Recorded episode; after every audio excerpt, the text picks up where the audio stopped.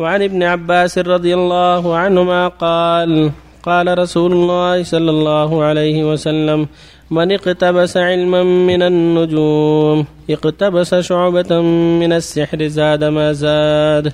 رواه أبو داود بإسناد صحيح. وعن معاوية بن الحكم رضي الله عنه قال قلت يا رسول الله إني حديث عهد بجاهلية وقد جاء الله تعالى بالإسلام وإن منا رجالا يأتون الكهان. قال فلا تأتهم. قلت ومنا رجال يتطيرون. قال ذلك شيء يجدونه في صدورهم فلا يصدهم. قلت ومنا رجال يخطون. قال كان نبي من الأنبياء يخط فمن وافق خطه فذاك. رواه مسلم. وعن أبي مسعود البدري رضي الله عنه أن رسول الله صلى الله عليه وسلم نهى عن ثمن الكلب ومهر البغي وحلوان الكاهن. متفق عليه. وبالله التوفيق. الحمد لله. وصلى الله وسلم على رسول الله وعلى آله وأصحابه ومن اهتدى بهداه أما بعد هذه الأحاديث من بقية الأحاديث الدالة على التحذير من إتيان الكهان والسحرة والمنجمين وتصديقهم وأن الواجب الحذر منهم وعدم تصديقهم وعدم إتيانهم وأن الواجب على ولاة الأمور الأخذ عليهم واستتابهم استتابتهم فإن تابوا إلا عملوا بما يستحقون من قتل وغيره. من ذلك قول صلى الله عليه وسلم من اقتبس شعبة من النجوم فقد اقتبس شعبة من زاد ما زاد. كل ما زاد في تعلم النجوم للتأثير زاد في ما يتعلق بالسحر والتلبيس على الناس.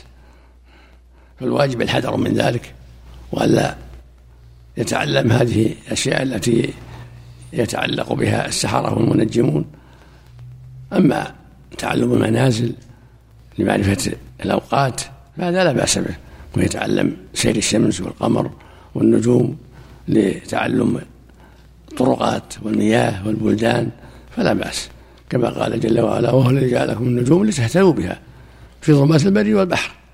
قال تعالى وعلامات وبالنجم هم يهتدون. يعني يهتدي بها المسافرون في جهات البلدان وجهات المياه وجهات الطرقات.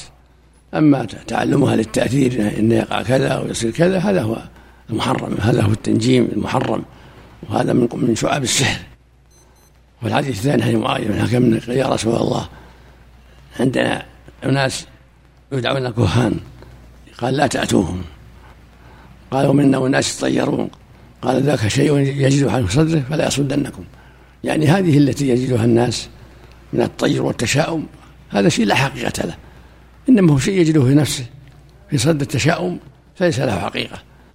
فليس عند الطير أو الكلب اللي رآه أو الحمار لا خير ولا شر. ولكن الجاهلية عندهم العقول الضعيفة والتشبثات بالأشياء التي لا لا حقيقة لها. فلهذا يتطيرون إذا رأوا شيئا ما يناسبهم تطيروا وتشاءموا تركوا السفر الذي أرادوا أن يسافروا. كل ذلك من أجل التشاؤم.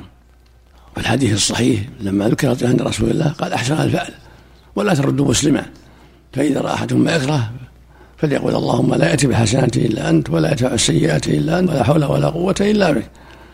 حديث عبد الله بن عمرو اللهم لا خير إلا خيرك ولا طير إلا طيرك ولا إله غيرك فلا ينبغي لعاقل أن تسده. هذه التشاؤمات بل يحذرها ولا يلتفت إليها ويتوكل على الله. يمضي في حاجته ولا يبالي. يقول لا حول ولا قوة إلا بالله ويسمي الله والحمد لله. كان النبي صلى الله عليه وسلم يحث الخارج من بيته أن يقول بسم الله. توكلت على الله لا حول ولا قوة إلا بالله. اللهم إني أعوذ أن أضل أو أضل أو أزل أو أزل. أو أظلم أو أظلم أو أجهل أو أجهل علي هذا يسحب لمن خرج من البيت للصلاة وغيرها.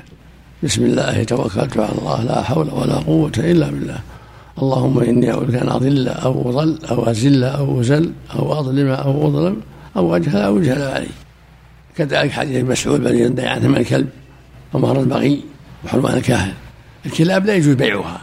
الكلاب لا يجوز بيعها. فالرسول نهى عن ثمن الكلب ومهر البغي وحرم الكاهن وقال صلى الله عليه وسلم ثمن الكلب خبيث وكسب الحجام خبيث. فالواجب الحذر من ذلك لا يجوز بيعه. بيع الكلاب ومهر البغي وهي الزانية. ما تعطى من المال هذا عوض حرام لأن في مقابل حرام. يسمى مهرا هو محرم. ولهذا سماه النبي خبيث ونهى عنه لأنه زنا وسيلة إلى الزنا يعطيها المال حتى تمكنه من الزنا. فهو حرام عليها وحرام عليه. وهكذا عوان الكاهن.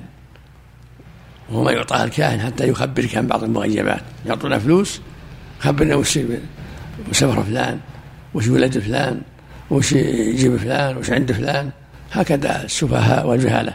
يأتون كهان يقول لهم نعطيهم كذا وكذا علمنا وش وش يقع كذا وش صار كذا.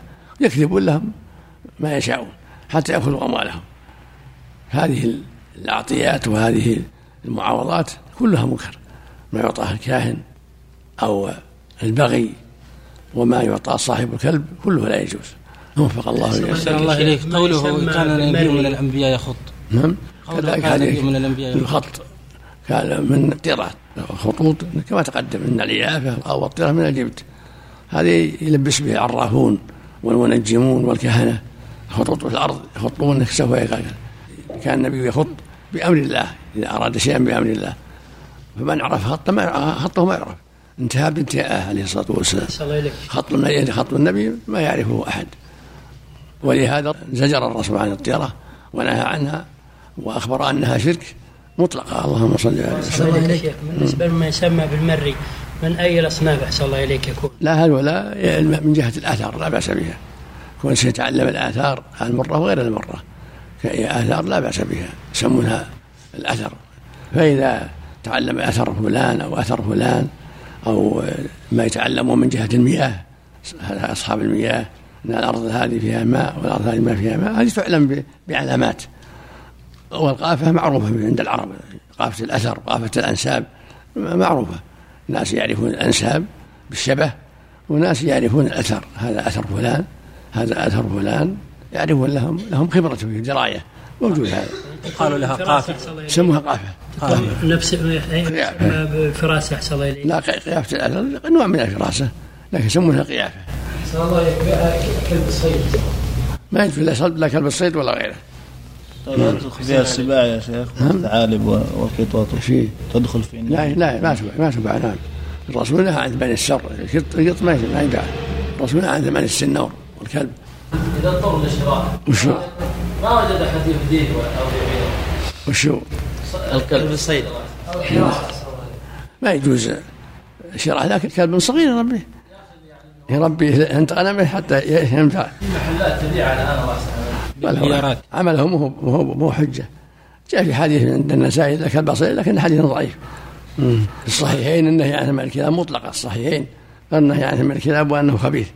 هذا السؤال يقول السائل سماحة الشيخ وفقكم الله يسأل رجل عنده جهاز كاميرا تصوير فيديو ويريد بيع هذا الجهاز ويحج بثمنه علما بأن التصوير المستخدم فقط مناظر طبيعية وحفلات زواج قبائل فقط فما الحكم في بيعه والحج بثمنه؟ إذا كان يصور ذوات الأرواح تصوير يثبت تصوير يثبت في القراطيس أو في الخراق أو في الحجر ما يجوز. إلا إذا كان تصوير للضرورة من التابعيات الشهادة العلمية للضرورة لا بأس. أما جهاز يصور الناس من أراد تصور فلان وفلان وفلان لا ما يجوز هذا. هذا من التعاون على الإثم والعدوان. أما إذا صور الشيء تدعو له الضرورة مثل ما يخال عليه في التابعية صورة مثل الشهادات العلمية وما نعطيك إلا بصورة والله يقول قد فصل لكم ما حرم عليكم إلا ما اضطررتم إليه. أحسن الله عليك. تصور منظر مثلا. ها؟ بتصور منظر منظر طبيعة مثلا. اللي هذه ما يثبت ما ما يصير ما يصير صورة.